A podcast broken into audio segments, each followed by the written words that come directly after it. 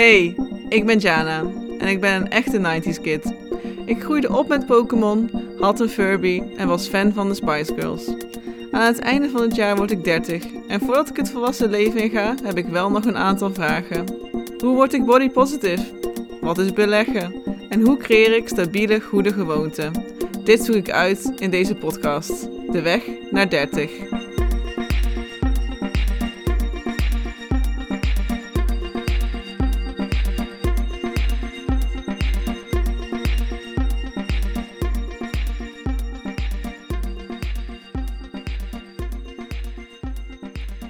Hey, wat ontzettend leuk dat je luistert naar aflevering 2 van De Weg naar 30. De plek waarin ik op zoek ga naar antwoorden die ik heb op vragen voor mijn 30ste verjaardag. We zijn alweer drie weken verder sinds de lancering van mijn podcast.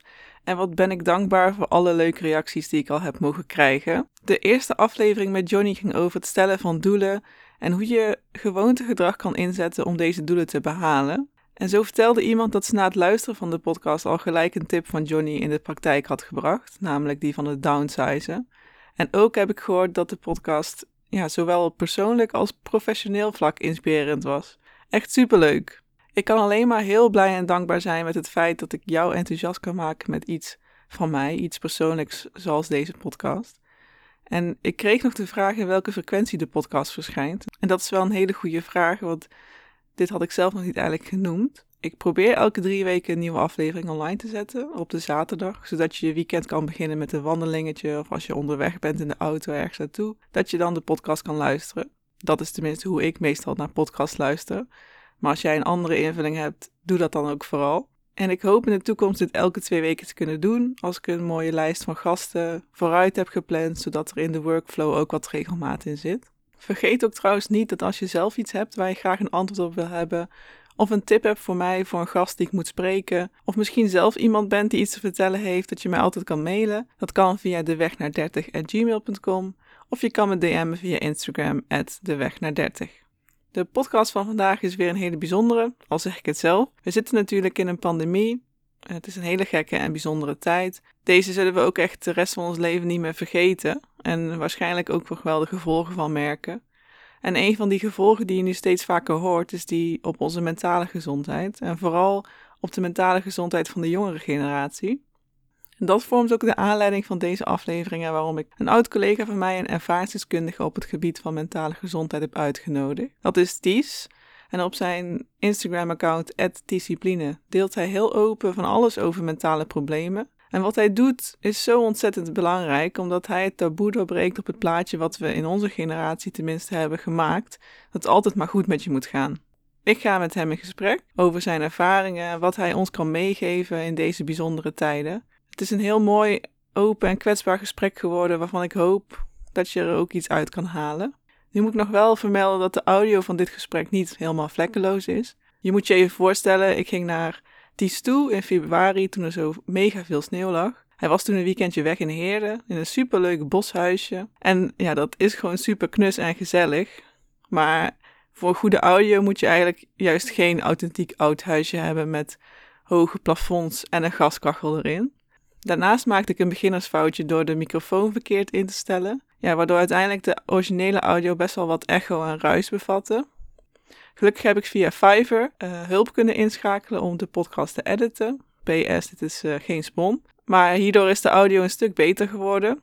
Nog steeds niet uh, optimaal, maar wel goed genoeg om vandaag met jou te kunnen delen. Het leek me namelijk ook niet echt geloofwaardig om een aflevering over mentale gezondheid en de grillen van onze generatie die die mentale gezondheid wel eens kunnen testen, om die dan niet online te zetten omdat ik zelf te perfectionistisch zou zijn en het te goed zou willen doen. Daarmee zou ik zelf niet het juiste voorbeeld geven, vond ik. Want de dingen die je leuk vindt, kan je gewoon doen, ook als ze niet 100% perfect zijn. Want ja, even eerlijk, wat is 100% perfect nu eigenlijk echt? Goed, nu we door deze disclaimer heen zijn, wil ik je graag uitnodigen om naar het gesprek te luisteren. Mocht je het nou een mooie aflevering vinden, dan zou ik het leuk vinden als je deze deelt, bijvoorbeeld met je vrienden. Laat me ook vooral weten wat je ervan vond, via mail of Instagram. En als je de podcast leuk vindt, zou ik het ontzettend tof vinden als je me volgt via jouw favoriete podcastkanaal of via Instagram de weg naar 30. Heel veel plezier met luisteren. Hey en welkom bij weer een nieuwe aflevering van mijn podcast. Ik zit hier in het mooie Heerde in een boshuisje in de sneeuw. Ja, samen met Ties. En zijn vriendin Anne, die zit er ook bij. Dus mocht je haar heel stilletjes horen kleuren, dan weet je wie dat is. en uh, ja, hartstikke leuk dat je weer luistert. En uh, vandaag heb ik een, ja, een mooi en belangrijk onderwerp wat ik uh, wil bespreken. Want de podcast heet De Weg naar 30 en het gaat over thema's die mij bezighouden in mijn weg om 30 te worden. En een van die dingen is ook ja, mentale gezondheid. En zeker in deze tijd waarin alles al zo onzeker is en het misschien nog wel een groter gevolg gaat krijgen voor jongeren dan dat we eigenlijk hadden verwacht. Lijkt het me heel goed om hierover te gaan praten. En ik heb daarom een ervaringsdeskundige uitgenodigd mijn oud-collega van toen ik nog uh, bij een mediabureau werkte, maar dat is vandaag niet aan de orde. Uh, ja, welkom Ties. Daar gaan we het vandaag niet over hebben. Daar gaan we het vandaag niet over hebben. Nee, nee dankjewel. Leuk dat ik er mag zijn. Ja, kan je kort iets over jezelf vertellen? Ja, waarom, ja, waarom jij eigenlijk een ervaringsdeskundige bent ook? ik ben denk ik een ervaringsdeskundige omdat ik in mijn leven al een mooi rugzakje heb mogen opbouwen met ja, wel mentale ziektes en problemen. Uh, dus ik heb vanuit mijn jeugd, nou laat ik het anders zeggen, ik heb best wel traumatische en moeilijke jeugd gehad. Uh, vanuit daar posttraumatisch stresssyndroom, een negatief zelfbeeld uh, gehad, overgewicht, perfectionisme. Is natuurlijk niet echt een mentale ziekte, maar ik merk in de praktijk toch vaak nog wel dat dat moeilijk is.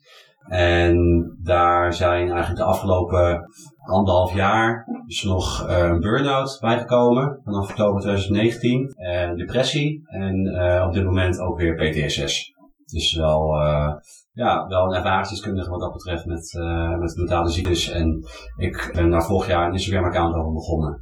om daar meer over te delen. En vanuit daar ook dus meer, meer en open te praten over mentale gezondheid. Ja, oké. Okay mooi en fijn dat je al zo uh, open over spreekt. En dat is ook denk ik uh, ja, een belangrijke voorwaarde voor dit gesprek. Maar ook juist waarom ik je heb uitgenodigd. Omdat ik, je merkt ook wel dat er misschien ook een soort van taboe op heerst. En hoe heb je dat zelf uh, gemerkt? Oeh, lastig. vanuit mijn jeugd kan ik kan wel zeggen dat ik dat gemerkt heb. Omdat er je toch niet zomaar tegen iemand zegt van... Hé, hey, ik heb PTSS of hey, uh, ik heb een negatief zelfbeeld, dat gooi je niet even zomaar op tafel. En bij ons thuis hadden we denk ik A nog niet echt heel erg door en B werd er niet heel veel over gepraat. Uh, dus vanuit dat uh, aspect is er denk ik sowieso, nou ja, niemand praat daar denk ik makkelijk over. En de enige manier om daar makkelijker over te gaan praten en door het taboe heen te breken is sowieso uh, door als er meer mensen over gaan praten. En ik denk ook wel dat ik als man zijnde daar ook nog wel een beetje in het nadeel in ben. Uh, omdat mannen daar ook nog eens moeilijker uh, over communiceren en praten. Omdat ze niet, zoals vrouwen in mijn optiek, van jongs af aan al geleerd is om met hun emoties en gevoelens goed overweg te kunnen en ook die goed te kunnen uiten. En dat is ook wel iets wat ik door de jaren heen heel heel erg moeten leren. Maar dat gaat gelukkig nu wel steeds beter. Mooi, fijn om te horen ook. En wat was dan voor jou, ja, je zegt nu kan ik dat beter. Is er, is er een bepaald ja, keerpunt geweest dat je denkt, oké, nu ga ik het echt anders doen daar, daaromheen? Ja, er is wel e-, echt een knop omgegaan, maar er waren ook wel heel veel jaren aan een trajecten aan therapie voor nodig. Uh, dus ik kan wel echt zeggen dat ik in mijn jeugd wel echt ja, gewoon tegen mezelf ben aangelopen en, en gewoon vastliep. En daar ook al best wel vroeg in mijn leven voor therapie uh, ben gegaan. Volgens mij was de eerste keer dat ik rond of negen of tien was. Vervolgens rond mijn 15e, 16e ook nog een keer in therapie gegaan. Uh, dat heeft me wel tot op zeker punt gebracht. Maar niet dat, dat, je echt, dat ik echt kan zeggen van oké, ik voelde me op dat moment echt goed. Of ik was blij met mezelf of ik accepteerde mezelf. Als ik erop terugkijk, dan denk ik dat ik meer aan het overleven was. Maar toen ik echt tegen mijn burn-out aanliep, twee jaar geleden, eind 2019, toen ja, was ik eigenlijk een beetje klaar mee. Omdat het wel weer het zoveelste was in een rijtje van uh, mentale tussen haakjes uh, uh, problemen. dat ik toen wel echt de knop heb, omgezet en heb gedacht van oké, nu moet ik wel echt opener gaan communiceren en mezelf kwetsbaarder gaan opstellen. Want wat ik, hoe ik dat nu toe heb gedaan en ingericht, dat levert me gewoon niet op. wat ik nodig heb. beter nog, het levert mij een burn-out en een depressie op. dus ik moet eigenlijk gewoon de knop omzetten en echt een flinke draai gaan maken om me wel open en kwetsbaar op te gaan stellen. Ja, wat heeft je dat dan nu dan wel opgeleverd ten opzichte van, had je bepaalde ideeën vroeger bij van als ik me openstel, dan. Dat, je deed het om een reden niet. Ja. En, en wat, wat voor contrast heb je daarin gemerkt nu je het wel doet? Uh, ik denk dat, dat het toch wel een bepaalde angst is dat als jij je zwaktes uh, openstelt, dat, uh, tenminste dat had ik al erg, dat je mensen eigenlijk een stok geeft om mee te slaan.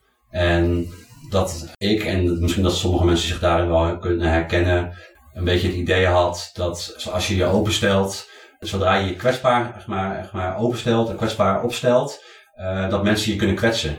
Daarom heet het ook kwetsbaar natuurlijk. Maar gaat er denk ik wat dat betreft om dat als ik mijn diepste angsten en uh, mijn demonen zeg maar op tafel leg, dan is er misschien een waanbeeld in mijn hoofd dat denkt dat mensen daar misschien heel hard op reageren of dat niet zullen accepteren. Maar 99% van de gevallen komt het erop neer dat zodra ik dat doe, en dat zie ik ook bij de mensen om me heen, zodra zij dat doen, dat er altijd uh, met heel veel begrip en heel veel liefde op gereageerd wordt. Dus dat we misschien soms iets minder de waanideeën in ons hoofd moeten geloven wat dat betreft. En moeten ja, ervaren hoe het is om je kwetsbaar op te stellen. Ja, ik denk dat dat ook wel heel herkenbaar is. En je gunt jezelf soms niet wat je een ander ook gunt. Je weet dat als een vriend of een vriendin naar jou toe zou komen en zeggen: Hé, hey, ik, ik uh, voel me kut.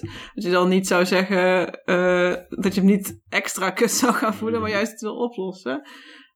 Ja, en, en toch ben ik wel benieuwd. Die kwetsbaarheid maakt ook juist dat we ja, de wolken een beetje weg kunnen halen van, van elkaar. En dat je dan eigenlijk ook beseft: je bent eigenlijk nooit alleen. Nee.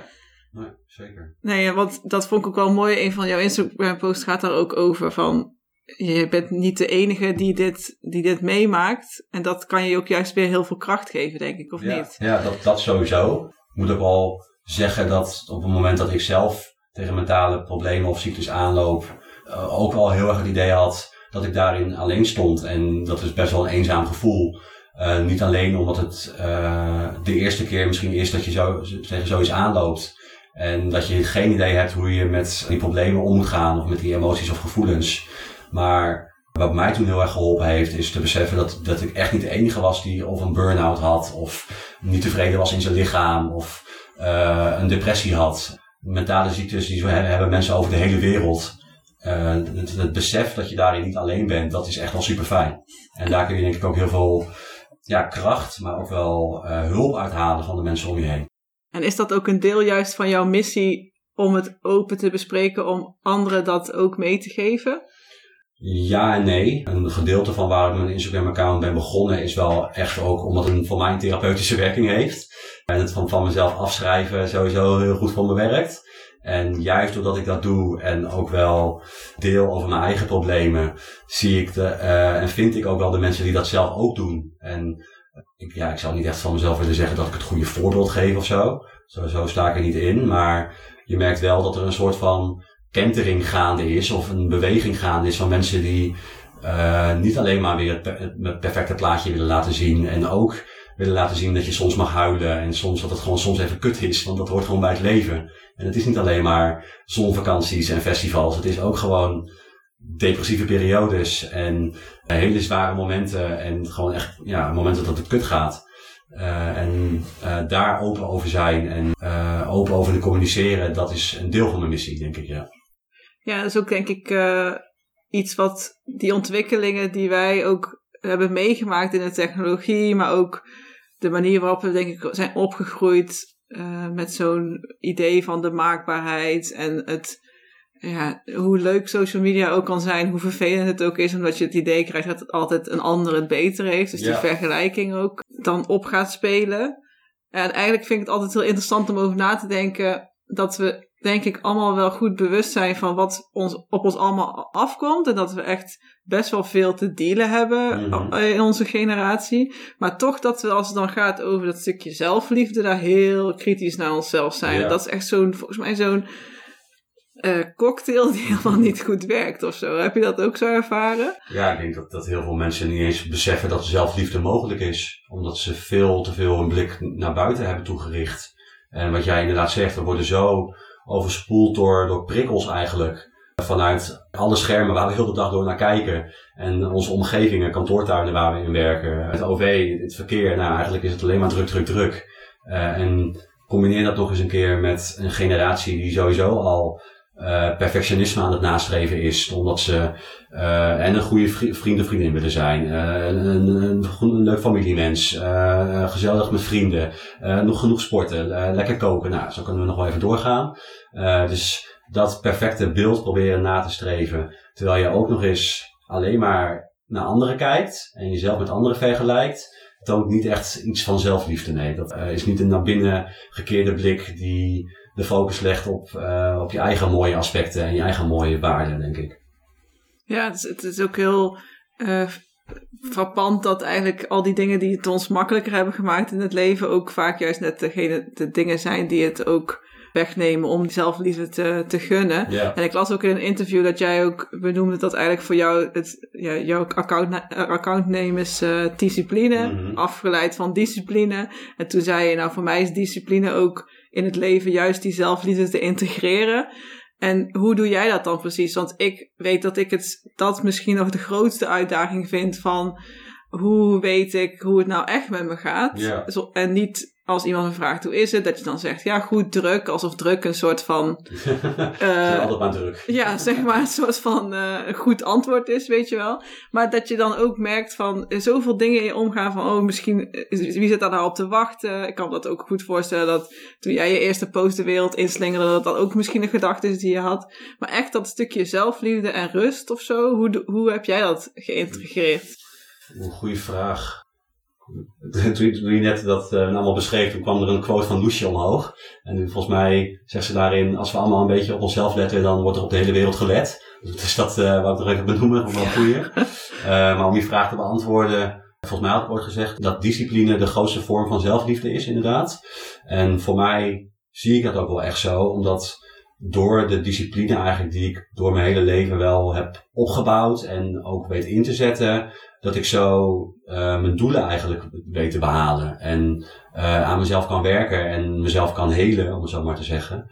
Uh, en dat, dat doe ik door gedisciplineerd te werk te gaan. En discipline is echt niet altijd zeggen van, hé, hey, ik ga, weet ik wel, een boomhut bouwen en dat dan in 30 dagen afmaken. Of elke dag in de week naar de sportschool. Discipline kan ook zijn, elke dag gewoon je bed uit kunnen komen, terwijl dat super moeilijk voor je is. Of jezelf een doel stellen om um, te gaan beginnen met sporten. En misschien, weet ik veel, tien minuten in de sportschool te zijn, maar wel geweest te zijn. En uh, ik heb voor mezelf door de jaren heen wel, denk ik, een systeem kunnen gaan opbouwen. Uh, en doelen voor mezelf kunnen stellen die me daardoor helpen met helen. En waardoor ik dus ja, een, een mooie mens ben geworden, denk ik. En en een heel goed voorbeeld daarvan is bijvoorbeeld mijn overgewicht verliezen. En 37 kilo ben ik daardoor kwijtgeraakt. En dat kan niet zonder dat je daar een beetje discipline voor, voor moet opbrengen. Uh, maar het mooie daaraan is dat dat, het is denk ik heel, even echt heel erg moeilijk. En uh, ik kan ook niet echt zeggen dat ik daarvoor altijd de motivatie heb. Maar ik kan wel zeggen dat, dat ik door discipline mezelf makkelijker heb gemaakt. En dat uh, door die discipline het ook makkelijker maken om van mezelf te houden en mezelf te accepteren op die manier. Ja, daar is ook een hele mooie podcast over te luisteren, die, hier, die hiervoor, hm. over het, ja, het stukje discipline en goede gewoonten. Maar als we dan toch hebben over die, die doelen die jij dan hebt gesteld om jezelf te helen, aan wat voor doelen kan ik dan los van bijvoorbeeld het, de gezondheid is natuurlijk heel belangrijk. De, reden, denk ik, waarom je dan ook hebt gekozen om, om daar aan te werken. Maar hoe werk jij aan jouw mentale gezondheid? Uh, er zijn heel veel verschillende, verschillende aspecten. Volgens mij stelde je daarvoor ook nog een vraag van hoe ik discipline had ingezet om mezelf te helen. Ja, ja dus dat, uh, dus, ja. Uh, in, in, ja, eigenlijk vanaf het moment dat ik in mijn burn-out en depressie belandde en daar wat meer over ben gaan leren en gaan lezen, et cetera, toen kwam ik eigenlijk ook wel een beetje uh, mezelf tegen en bleek ook wel, maar dat hoort ook wel bij depressie, dat ik niet echt naar de positieve aspecten, niet alleen van mezelf, maar ook van anderen keek. Dus toen heb ik mezelf wel echt als doel gesteld om bijvoorbeeld uh, iedere dag een compliment te geven. Uh, of ja, liefdevolle vriendelijkheid noemen ze dat eigenlijk in de van mindfulness. Uh, dus om, om de positieve aspecten daarvan te benoemen van hey, jij bent hier goed in, hey, jij bent goed bezig, hey, dit gaat lekker. Veel meer empathie te gaan tonen voor andere mensen en ook voor mezelf. Niet alleen maar streng uh, en perfectionisme willen nastreven. Veel meer open gaan vragen, ook bij andere mensen, echt connectie gaan zoeken met andere mensen. zodat ik niet meer alleen maar in mijn eigen hoofd en met mezelf leef. Dus dat zijn sowieso al een aantal stappen. En daarnaast, uh, nou, waar moet ik beginnen? heel veel wandelen uh, in de natuur heeft me heel erg geholpen. Uh, heel serieus en veel gaan mediteren. dat is echt een life changer voor mij geweest. Veel gaan lezen, journalen, dagboek bijhouden. Dat zijn denk ik wel de belangrijkste wat dat betreft. Ja, en sporten. Ja, dat is gewoon echt, echt een uitlaatklep. Dus het gaat eigenlijk ook om de, de bewuste keuze om dingen anders te gaan doen. Ja. Want eigenlijk hoor ik je ook van, ja, ik, ik moest eigenlijk uit dat negatieve kader wat ik eigenlijk in mijn hoofd had gecreëerd. Ja. Door dat ook actief aan te gaan en te zeggen, ik ga daar een tegenhanger voor bedenken. En misschien is dat in het begin dan wel dat je denkt, oeh, lastig. Mhm. Of uh, uh, hoe, zal, hoe, zal, zal iemand reageren? Maar dat ja, dat is ook waar ik het met Johnny over heb gehad, is juist het, het stukje van door dat consequent te doen, maak je daar een gewoonte van en gaat jouw, her, gaat jouw hersenen zich daarop aanpassen. En dat vind ik ook zo ja, goed om te weten als het gaat over, over die mentale gezondheid. We zijn altijd bezig met ook patronen en schema's, mm. schema's van vroeger, die we dus ook nog niet eens altijd bewust hebben ik merk dat nu pas nu ik ouder ben, wat voor impact mijn jeugd heeft gehad. Dat hoor ik jou ook vertellen, van dat dat eigenlijk iets is wat zo in is gesleten, wat, wat je ook dan niet van bewust bent, maar nu heel erg en dat dan moet gaan uh, veranderen. Mhm.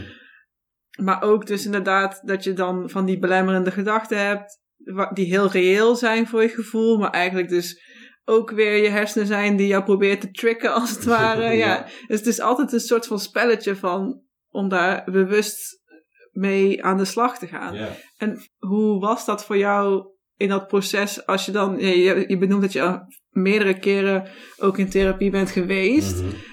Hoe voelde dat voor jou? Ik kan me ook voorstellen dat het ook soms echt heel erg vermoeiend kan zijn van ik moet ja, dat is, kost heel veel energie ook, lijkt me. Dat is het ook nog steeds elke dag. Zeker nu ik op dit moment weer in een depressie zit, is dat heel zwaar. Omdat ja, je, je hoofd ligt, ligt eigenlijk echt tegen je. En je hoofd heeft eigenlijk niet het beste met jezelf voor en is echt nou, bijna dagelijks nog wel in oorlog met zichzelf. En dat kost echt heel veel energie. Maar ik denk wel juist doordat ik dit, dit verleden heb en uh, wat je ook al zegt, ervaringsdeskundige ben op het gebied van uh, mentale ziektes, dat ik dat ook weet. En ook weet dat ik daardoor niet altijd op mijn eigen gedachten moet vertrouwen en het ook door heb wanneer dat gebeurt eigenlijk. Dus dat eigenlijk denk ik gewoon echt ervaring daarin opdoen. En dat kan, ik kan me heel goed voorstellen, tenminste bij mij was dat ook zo, dat dat heel onwennig of raar is als je net een periode doormaakt waarin je ook zoiets, tegen zoiets aanloopt of ook een mentale ziekte hebt of ontwikkelt.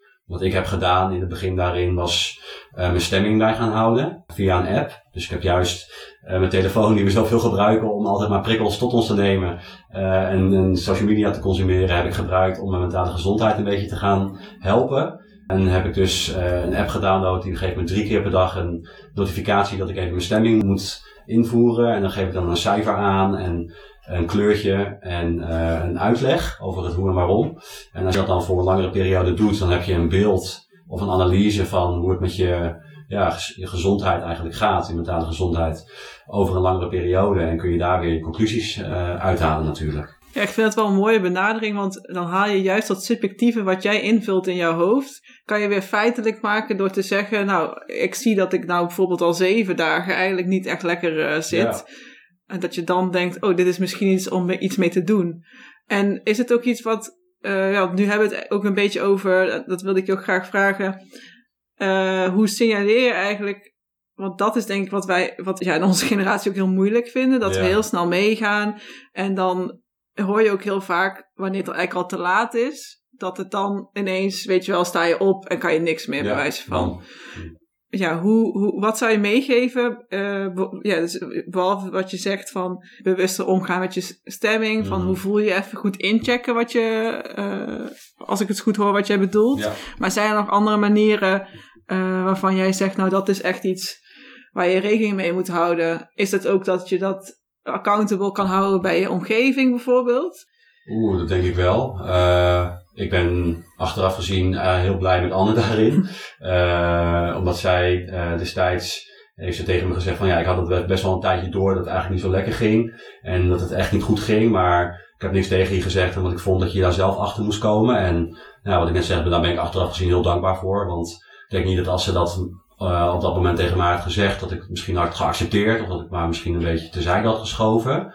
En juist door zelf naar de huisarts te moeten gaan en zelf erachter te komen van, oh, ik heb een burn-out, wow, komt het ook wel echt binnen. En ja, de, de triggers of de signalen, maar dan kan ik echt alleen voor mezelf spreken, want ik heb natuurlijk niet elke mentale ziekte gehad. Alleen de dingen die... Nou, gelukkig niet. Ja, precies. Toch een hele rits die ik liever, uh, waar ik liever van weg blijf. Uh, maar bij mij was het bijvoorbeeld heel slecht slapen. Echt midden in de nacht ook wakker worden, dagen achter, weken achter elkaar. Ik denk dat slaap daar sowieso wel een goede indicator is van uh, hoe het met je gaat. Snel chagrijnig. Nou, jij, jij kent me al wat langer. Je weet sowieso wel dat ik vroeger wel echt als een donderwolkje zeg maar uh, rond kon lopen. Maar ja, in dit geval was het gewoon, mensen hoefden maar dit te doen. En ik was, ik was chagrijnig. Ik, mijn hoofd dat eigenlijk, ja, ik kon me niet meer concentreren. Het voelde, voelde een beetje alsof mijn hele hoofd vol met watten zat eigenlijk.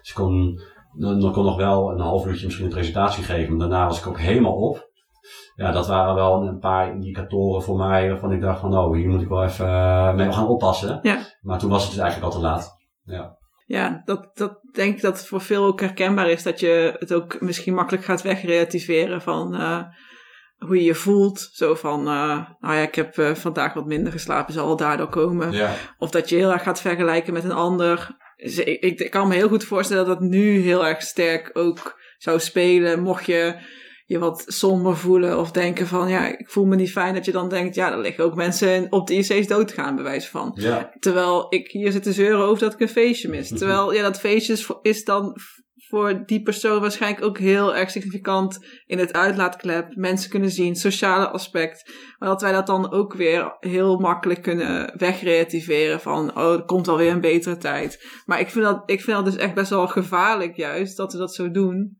Maar dat is dus echt vanuit die die maakbaarheid die we hebben gecreëerd van, oh, dan moet het wel aan mezelf liggen als ik me zo voel. Ja, Van, ja. ja, en ik denk, ja, juist door denk ik die externe blik en altijd maar het idee uh, dat het bij een ander misschien of beter of misschien zwaarder is, uh, zorgt er wat dat betreft ook wel voor dat je misschien wat moeilijker bij jezelf te raden gaat daarin. En denkt van, oké, nou eigenlijk is het ook best wel even wel zwaar. En heb ik ook even geen uitlaatklep. En kan ik niet meer naar een feestje toe, wat ik vroeger altijd wel heel fijn vond. En uh, ik denk dat juist doordat we nu met corona zo uh, extra veel prikkels op ons afkrijgen, omdat we nog meer aanstaan dan dat we eigenlijk al deden, uh, moet je daardoor ook juist meer gaan zoeken naar de punten of de, de uitlaatkleppen die die ontprikkeling juist een beetje mogelijk maken ook. En dat is in, dit, in deze periode heel moeilijk. Ja, want eigenlijk wat ik bijvoorbeeld zelf ook merk is dat je eigenschappen die je al hebt, die, die ook mogelijk ja, dat, dat gevaar op de loer hebben liggen, waardoor je dan eh, door kan schieten. Ik heb dat zelf in mijn, mijn oververantwoordelijkheidsgevoel. Ik denk, dat ik wil altijd alles heel erg zelf oplossen. En, en nu met al die regels heb ik dan ook heel erg het gevoel uh, alsof ik daar heel hard aan moet houden. En als ik het een keer niet doe, dan voel, voel ik me daar ook echt heel slecht bij. Ja, schuldig. Ja, heel schuldig, ja. En dan, ja, dus dat, dat we dan ook niet beseffen dat juist, het lijkt nu natuurlijk alsof er nu niks in ons leven gebeurt. Terwijl er eigenlijk een extra laag overeen is gekomen van gevaar. Ja. En dat ons juist nog die dingen die we al hebben nog groter maken. Want ik zie het ook met mensen die angstig zijn. Nog angstiger natuurlijk om naar buiten te gaan. Om mogelijk ziek te worden. En al die media die natuurlijk daarop inspeelt. En ik denk dat het inderdaad heel goed is wat jij zegt. Dat ook al denk je misschien dat je nu niks te doen hebt. Dat het juist nog steeds goed is om te, op zoek te gaan naar de echte rust, die ontprikkeling. Even lekker wandelen. Bij mij is dat ook, wat jij ook zei over journaling, ook daarin ontstaan. Gewoon even inchecken bij mezelf, hoe gaat het nou eigenlijk? En ook de positieve dingen uit mijn dag te benoemen. Mhm. Want je, je denkt, er gebeurt eigenlijk heel weinig, maar er gebeurt eigenlijk nog best wel veel. waar je, heel veel. Waar je, waar, je, waar je ook blij over kan zijn. Ja. ja, Dus dat is ook een beetje de manier hoe jij, uh, hoe jij daarmee omspringt. Ja, ik, ik heb gemerkt dat ik juist pre-corona heel veel afspraken had. En eigenlijk heel veel bezig was met, met uh, naar verjaardagen gaan, feestjes toe gaan. Uh, heel veel, mijn context was heel erg gericht op wat doen anderen. En daar richt ik mijn agenda op in. En toen dat eigenlijk allemaal wegviel, merkte ik van, oh, ik kan dus die rust gebruiken om aan mezelf te werken. En toen dacht ik, dit wil ik eigenlijk ook niet meer anders. Want uh, hoe fijn is het om daar tijd voor te hebben, maar ook daar bewust voor te kiezen. En nog steeds toen in die zomer, toen het weer allemaal net wat soepeler werd, weet je wel, en je kon weer naar het terras. Mhm. Ik merkte ook gelijk weer dat ik dacht, oh nee, mijn agenda loopt weer vol. ik wil het eigenlijk helemaal niet. Ja, maar dan moet je dus ook weer bewust tegen mensen gaan zeggen dat je eigenlijk ervoor kiest om eh, tijd aan jezelf te besteden. Mhm. En dan eigenlijk zegt iedereen altijd ook, ja, dat doe je goed en zo. Maar het blijft voor mij nog steeds wel een struggle hoor. Want je voelt je snel schuldig. Want ja, nou, je hebt ook maar beperkte tijd. En ik heb ook natuurlijk nog het, het, het ehm, gevaar dat ik nog een eigen bedrijf heb waar ik heel erg van houd wat ik doe. Maar daar kan je ook heel, erg in, in verzaken. Doorslaan. Doorslaan en deze de dagen doorwerken en zo. Dus het is echt iets wat jij ook zei al eerder. Die discipline gaat ook over bewust bezig zijn met jezelf en dat ook volhouden. Ja. En het gaat niet over een keer een boek lezen en dan denken, oké, dat is opgelost. Maar echt, maar ook kijken naar wat bij je past. En wat je ook zei, bijvoorbeeld niet met je telefoon Mhm. eh, bezig zijn. Ik heb ook toen in die tijd een wekker gekocht. Oh, ik dacht, goed. mijn telefoon was mijn wekker. Ja. En dan heb je de wekker en dan word je wakker met berichten van anderen. Ja, dat is gewoon, heel je context van de dag is gewoon Ja, eigenlijk zeker. anders, hè. Dus dat zou zeker een tip zijn die ik zelf zou willen meegeven. Nou ja, ik heb wel echt geleerd dat het wat dat betreft gewoon gaat over balans. Dan, we hadden het net al even over discipline, maar daarmee bedoel ik ook niet dat je 24-7 alleen maar nee, precies. struggelt of aan je doelen of zo werkt. Discipline betekent ook dat je gewoon je rust neemt en eh, gewoon even kan ontprikkelen. Dat ook. En dat, dat is ook een onderdeel van die balans. Ja, en jezelf ook goed leren kennen wat je daarin nodig hebt. Ja, Want dat geeft ook de grond om het aan anderen aan te geven en die bespreekbaarheid mogelijk te maken. Want ja, ik kan me voorstellen dat als jij niet goed weet wat je zelf nodig hebt, kan een ander je ook niet goed helpen. Nee, zeker, dat ook. Ja, ja wat jij net benoemt, dat vind ik ook wel een sterke, want jij geeft dus aan van oké, de, de maatregelen werden versoepeld en ik- mijn agenda liep weer helemaal vol. En ik denk dat, dat dat voor heel veel mensen herkenbaar is. En mijn gevoel is een beetje dat er, als we straks weer uit corona zijn en de wereld weer een beetje normaler wordt, of het nieuwe normaal noemen ze dat, ehm, dat er eigenlijk een soort van tweedeling is ontstaan, sowieso in onze generatie. Want eh, de ene helft daarvan, die eh, heeft deze periode inderdaad gebruikt om zich veel bewuster te zijn geraakt over eh, wat, wat zo'n periode met je kan doen. En dus aan zichzelf gaan werken en aan zijn gezondheid, dan wel mentale gezondheid gaan werken. Of heeft het iets beter in kaart gekregen, is zich er bewuster van geworden. Ja. En de andere helft, die loopt zich juist tegen die mentale problemen aan. En is zich er niet bewuster van geworden, maar is meer misschien wel verzand in het negatieve daarin. En dacht, oké, mijn, mijn, le- mijn leven is afgelopen, ik kan helemaal niks meer. Ik kan alleen maar, eh, al mijn, eh, mijn vrijheden worden me afgenomen en het is helemaal kut en ik kan niks. Nee, En zo ontstaat er dus eigenlijk een tweedeling tussen de mensen die zich er heel bewust van zijn en, en ermee om kunnen gaan. En de mensen die zich er helemaal niet bewust van zijn en zo dus misschien wel tegen mentale ziektes aan gaan lopen. ja, gelukkig hoor je nu steeds natuurlijk meer geluiden van, is de manier waarop we dingen doen nog wel eigenlijk goed voor de mogelijke ge- mentale gevolgen die we, die we een hele generatie eigenlijk aandoen ten opzichte van de lichamelijke eh, slachtoffers die we hebben aan het virus. Ja. En ja, ik, wat, zou, wat zouden dingen zijn voor jou als je zegt van. Eh, ik kan me ook voorstellen dat mensen dus een be- bepaalde misvattingen hebben over in therapie gaan of Mhm. mentale gezondheid. Waardoor ze dus denken van, oh, als ik dat doe, dan heb ik dus gefaald of zo, weet je wel. ja. Ja, eh, of dat je, ik kan me ook in jouw geval voorstellen dat het voor mannen bijvoorbeeld ook een, een minder normaal iets is om te zeggen, ja, ik ben naar een psycholoog gestapt, want ik heb hulp nodig en ik ga over mijn gevoelens praten. Ja. ja. Ja, Eh, er zijn twee dingen denk ik. Het, het mannelijke aspect weegt daar denk ik heel zwaar in mee, zeker. Ook omdat dat, ja, mannen niet echt wordt aangeleerd of zo. Dat, dat is het ook een beetje. Maar überhaupt over in therapie praten is ook gewoon echt een taboe. En dat is niet per se iets mannelijk of vrouwelijks, omdat niemand daar echt snel open over praat. En ja, bij mij heeft dat er ook heel langzaam in moeten slijten. En een gedeelte daarvan is inderdaad dat ik op een gegeven moment gewoon die knop heb omgezet en heb gezegd van oké jongens, nou ik zit in therapie, zo wat. Eh, ik ben echt niet de enige in Nederland en ik heb het nodig, dus ik ben blij dat ik die hulp kan krijgen. Eh, dus eh, ja, als jij daar iets over wil denken of als je daar een vooroordeel over hebt, ja prima.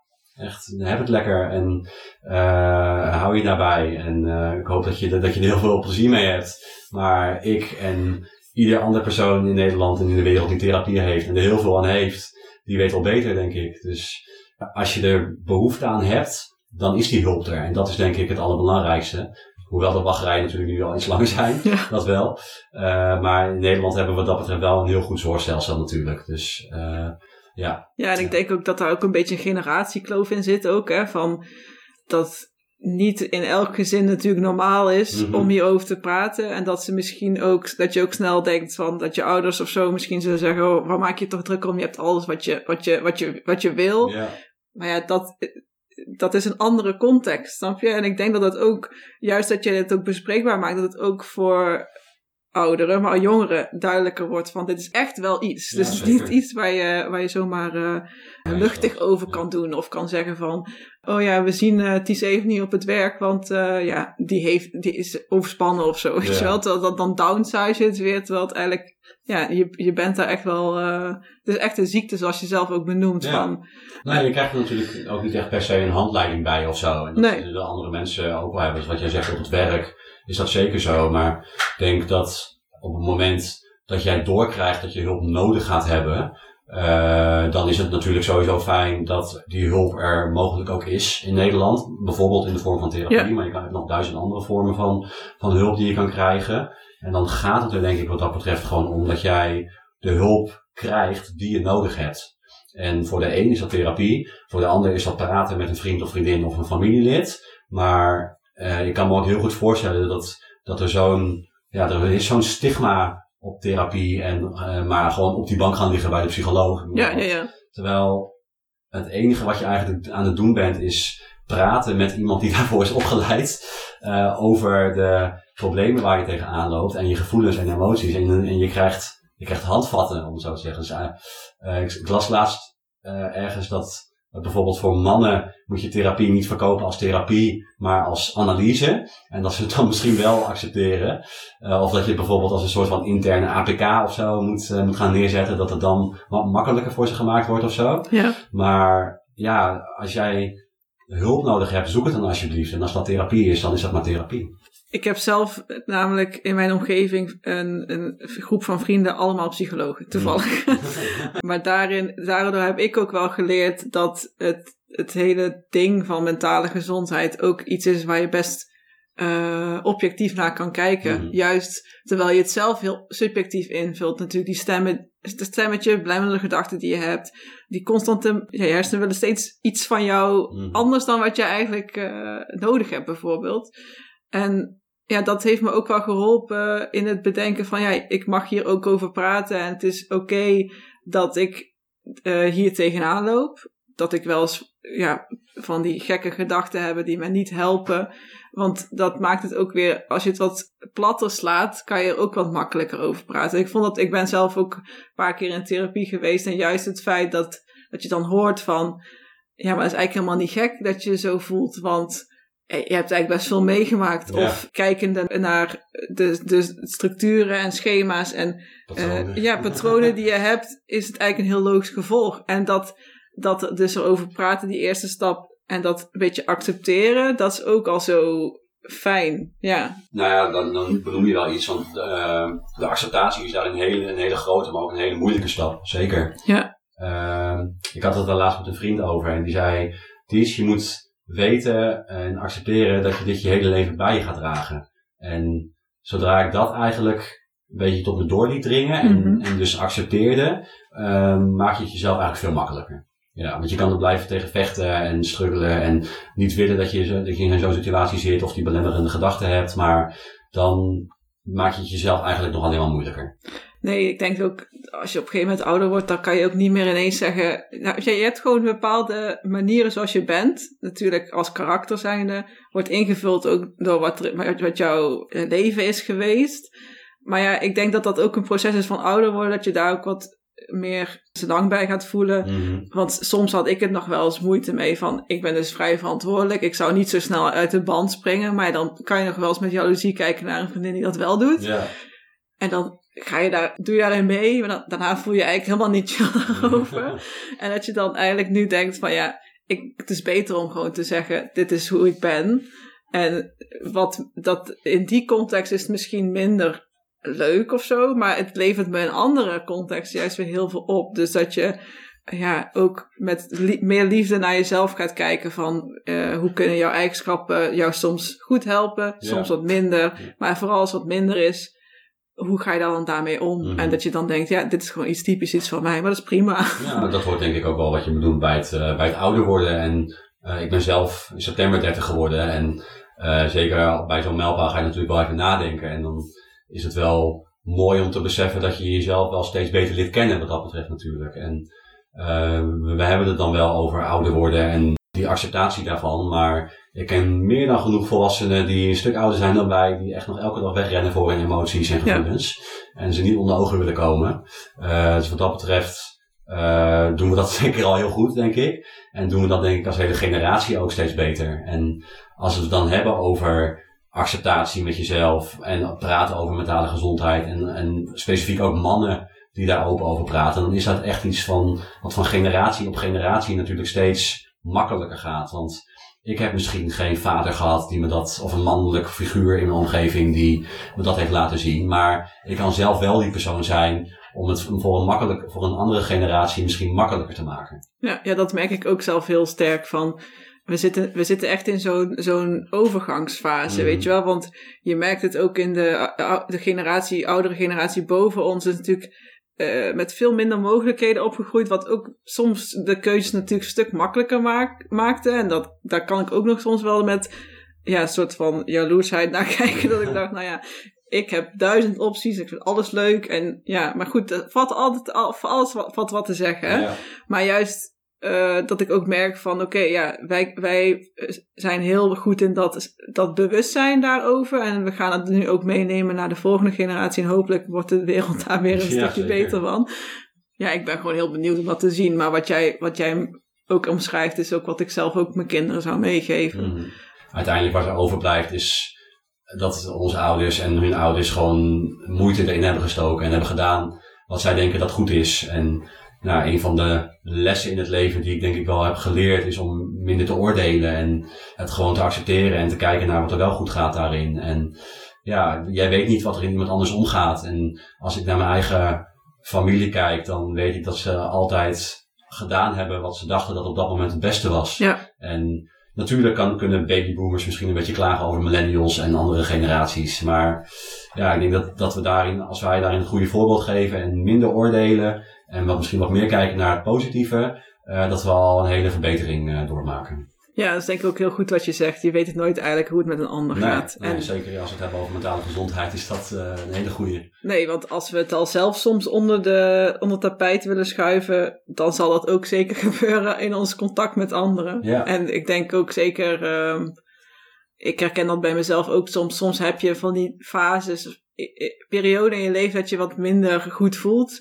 En dan ben ik er zelf ben ik een beetje naar binnen getrokken om daar ook aan te werken. Maar ja, je gaat niet een feestje binnen en zeggen. hey, ja, hoe voel je je? Of hoe gaat het met je? Nou, hoe gaat het is sowieso echt een, een moeilijke vraag. Ik uh, probeer altijd soms te vragen, wat houdt je bezig? Ja. In plaats van, hoe gaat het? Maar dan merk ik ook van, meteen die gevoelens van, oh ja, ik kan wel zeggen hoe het echt met me gaat. Maar ja, ergens wil je ook alweer gewoon een leuke tijd hebben. Misschien zit daar iemand niet op te wachten. Maar wat een vriendin ook tegen mij zei, wat ik wel heel goed vond. Ze zei ook, ja, maar laat dat de ander bepalen of die daar zin in heeft of niet. Mhm. Die kan prima zeggen, hey, weet je, vanavond is niet misschien de avond om hierover te hebben, maar ik wil graag morgen even bellen of zo bijvoorbeeld. Dat we het niet invullen voor een ander. Dat, uh, dat ja. sowieso. Dat is sowieso altijd goed advies, denk ik. Uh, ik denk ook wel dat naarmate je ouder wordt, dat je misschien steeds beter aanvoelt bij, bij wie je dat neer kan leggen. Ja, klopt. Uh, sommige mensen zijn, hé, hey, het gaat goed met me, mensen, en daar, uh, misschien ben je dan aan het liegen, ik, ik weet het niet. Uh, maar zolang je niet tegen iedereen aan het liegen bent en dat je wel mensen hebt waar je, tegen, tegen wie je kan zeggen, hé, hey, het gaat even niet zo goed met me en je verhaal kwijt kan, daar gaat het denk ik wat dat betreft om. Want je kan prima tegen een ander zeggen van nee, het gaat even niet. En misschien dat die ander dan daar niet de mentale ruimte voor, voor heeft die uh, jij op dat moment nodig hebt. Maar zolang je het maar wel bij iemand neer kan leggen en erover kan praten natuurlijk. Ja, en hoe heb je dat zelf ervaren ja, in het moment dat jij ook in therapie was en dat, dat je echt mee bezig was om daaraan te werken, hoe, hoe was dat en hoe vond je dat ook moeilijk bijvoorbeeld naar je vriendin toe? Uh, had je schuldgevoelens of dat je dacht van ja, ik kom hier steeds met me hebben en houden en uh, ja, hoe, hoe, hoe, was dat voor jou? Uh, nou, therapie is sowieso wat dat betreft gewoon heel echt kaart werken. Omdat je, ja, je wordt gewoon wel echt geconfronteerd met, met, met jezelf. En het is niet dat je even maar gaat liggen en dat iemand tegen je gaat praten en dat je na tien sessies denkt van ik ben beter. Je wordt, er worden je wel handvatten aangereikt, maar je moet die handvatten wel zelf gebruiken.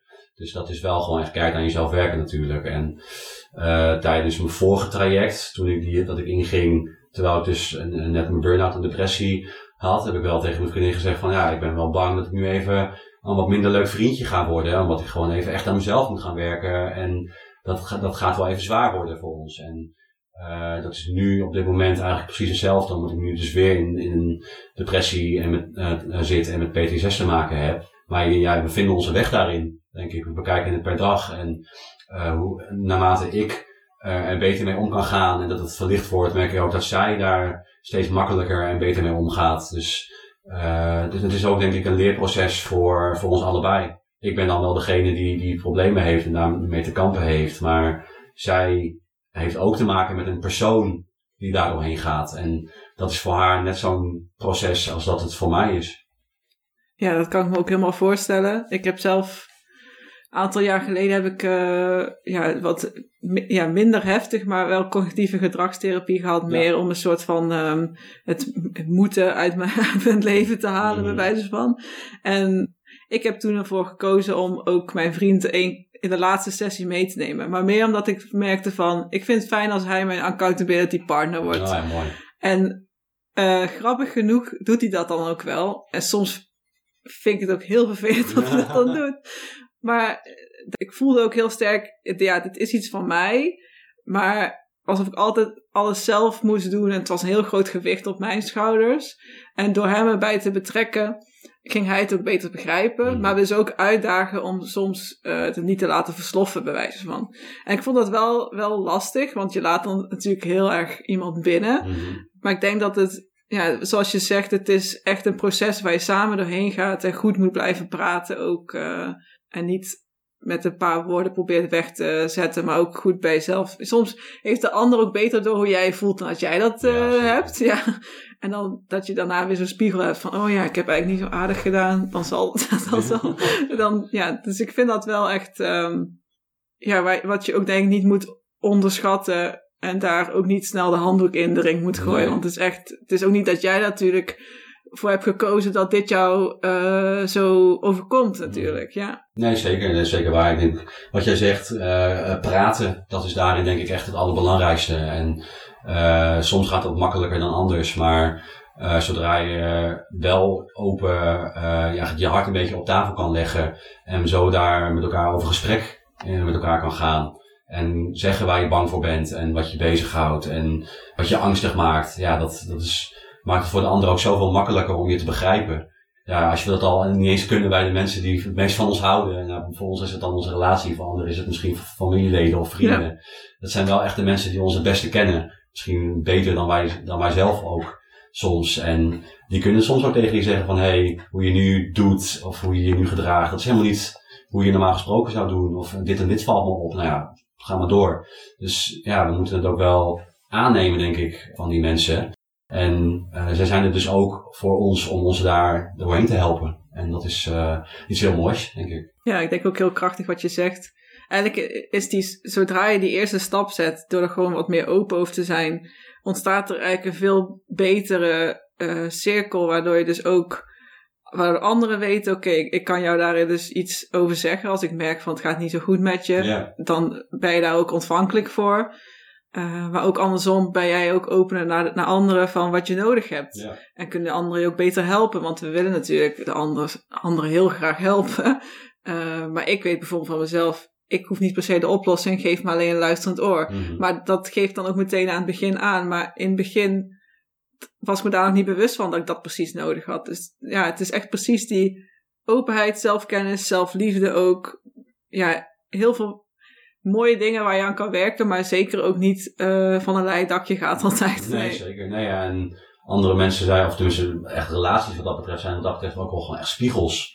Want wat jij zelf de, zeg maar, de weer, uh, laat weerkaatsen, dat zie je bij de ander ook weer terug. Dus als ik nu heel erg uh, naar binnen toetreed en, en mezelf afsluit, dan merk ik ook aan, aan mijn relatie dat zij daar weer onzeker van wordt, omdat ik mij niet openstel. En als ik mij wel openstel, dan zie ik weer terug in haar dat zij dat ook meer doet. En we zo samen ook uh, groeien daarin. Dus uh, wat je daarin of geeft of neemt, dat zie je ook bij de ander denk ik heel erg terug. En dat is wel iets waar ik zelf heel erg in heb moeten groeien.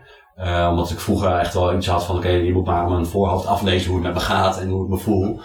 Dat kunnen mensen niet. Mensen kunnen niet ruiken wat er in je omgaat. Je moet, het, je moet er met over praten en het aangeven. En ik denk dat als je dat doet, dat daar de mooiste gesprekken ook uitkomen. Ja, soms, soms is dat ook juist echt het, het beetje het, het stomme, vind ik zelf ook van. Was het, soms denk ik, had ik maar gewoon mezelf tegenover me zitten, waar ik dan tegen kan praten. Want die, die zal me wel meteen begrijpen zonder een paar woorden. Maar ja, juist het feit dat het dus niet makkelijk is, maakt het ook dat je jezelf beter leert begrijpen. Maar soms heb ik ook echt dagen dat ik dat zo oneerlijk vind, dat ik denk, oh, ik, uh, ik moet het weer weer gaan vertellen en goed uitleggen. En dat je ook soms dat vermoeiend vindt of zo. Maar dat is juist ook ja, het werken aan, wat ja. juist zo belangrijk is. Ja. De enige weg is er doorheen. Ja, precies. Hoe so zwaar het ook is. Precies.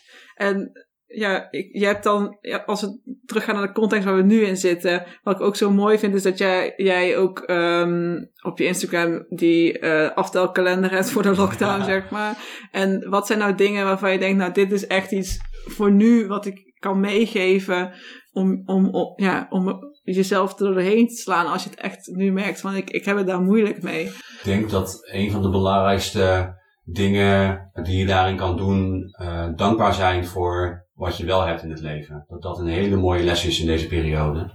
Um, omdat heel veel mensen misschien wel met het idee leven dat hun leven stilstaat door corona en ze echt even geen kant op kunnen. Maar dat is echt niet waar. Het leven gaat gewoon door en je kan nog steeds heel veel dingen doen. Je kan nog steeds je vrienden zien, ook al is het in wat kleinere aantallen. Of je kan nog steeds je doelen gaan behalen. Sporten kan nog steeds. Uh, je kan nog steeds het liefde van je leven zomaar ergens tegenkomen. Weet je, het is echt niet omdat het corona is uh, dat het allemaal stilstaat. Het is alleen even iets moeilijker voor ons. En kijk daarin bijvoorbeeld naar de dingen die er wel goed gaan. En waar, waar je wel heel erg dankbaar voor bent in het leven. Uh, in plaats van alleen maar te kijken naar de dingen die je worden ontnomen of die er niet zijn. Dat is denk ik een, een hele mooie les wat dat betreft. Ja, dus wat je ook eerder zei, juist proberen dat. Uh, wat, we zitten in dat negatieve kader en daar worden we natuurlijk ook heel erg door gevoed door media en alles wat we om ons heen ja. zien, om dat echt bewust te shiften naar wat is er nog wel? Ja, wat dat, kan ik nog wel? Dat inderdaad. Dus ja. uh, wat kan er nog wel? Wat is er wel mogelijk? Waar, waar, waar ben ik wel dankbaar voor? Het kan ook iets heel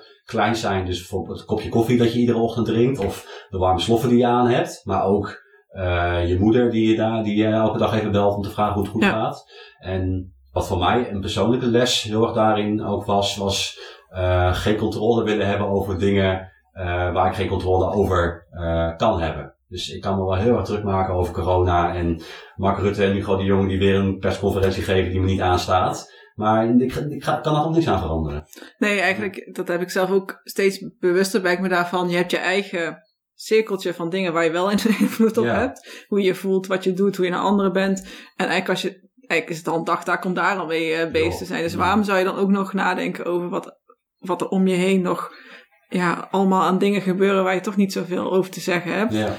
Maar ook niet kan veranderen. Het is niet, ja, natuurlijk uh, kleine dingetjes wel. maar zoiets groots, ja, dat is niet, dat is niet aan ons om dat in ons eentje helemaal uh, nee. om te turnen. Nee, terwijl we hebben al genoeg om ons over zorg te maken als onszelf, ja. Ja, maar dat is wat, wat we nou net ook over hadden. Ik denk dat een hele grote groep mensen heel veel beter uit deze periode gaat komen dan uh, ja. dat ze erin zijn gegaan.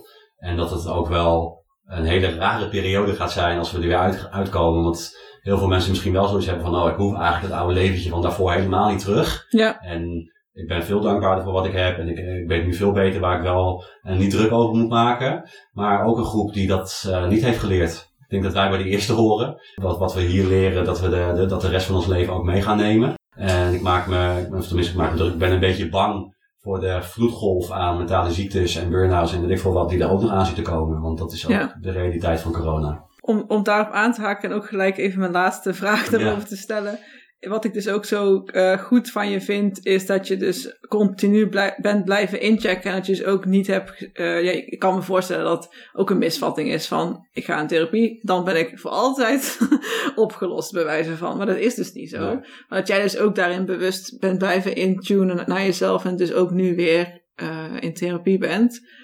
Ja, hoe zou je dat willen meegeven aan de mensen die daar nu uh, mee bezig zijn van voor de toekomst. Wat je zegt, ja, ik, wil, ik heb zo'n vermoeden dat dit ook echt een vloedgolf gaat mm. worden. Ja, wat zouden voor jou nu de eerste stappen kunnen zijn van, ja, je zei al bijvoorbeeld het, het bijhouden van je ge gemoedstoestand.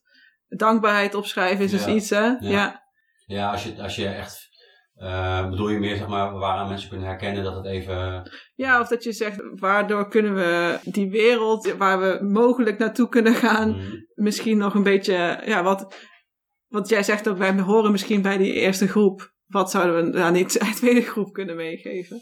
Ja, ik denk het bewustzijn ervan. Wij, wij als, het, als ik even naar ons tweeën kijk, dan zie ik twee mensen die zich daar heel bewust zijn van hun eigen handelen en hun eigen uh, gemoedstoestand en hun eigen gedachtes. Maar heel veel mensen die zitten nog steeds wel in die race en in die molen van het altijd maar doorgaan en het altijd maar aangaan. En die uh, beseffen eigenlijk pas hoe het met hun gaat als ze er even uitstappen. En dan hoop ik maar dat het voor die mensen, dat het uitstappen daarvan niet een burn-out of een mentale ziekte is, maar gewoon even gewoon stilstaan en denken, oh, uh, dit is even niet, uh, even, het gaat even niet zo heel erg lekker. En wat, ja, wat we daaraan mee kunnen geven. Ja, wat, wat ik wel heel sterk vond van jou is dat je ook zei van, het is oké als je je ook zo voelt. Ja.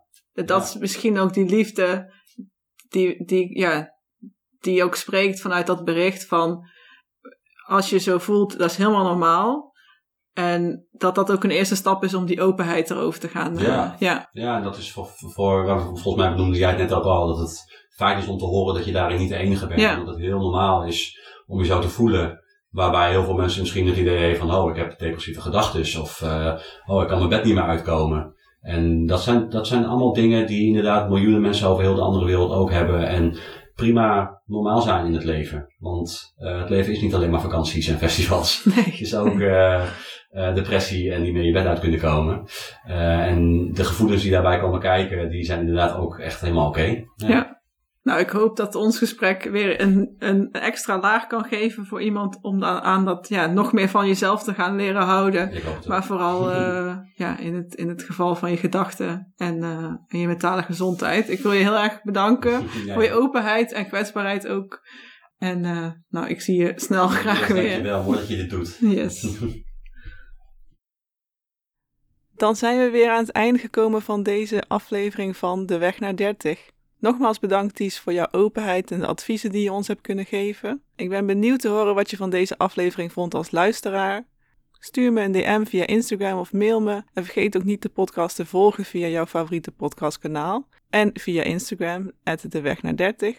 Ook nog een speciale thank you naar Allison, die de podcast voor mij heeft geëdit. You're a lifesaver, thank you so much. En tenslotte nog een credit voor de muziek in deze podcast, die is gemaakt door Patrick McLaverty. Tot de volgende keer.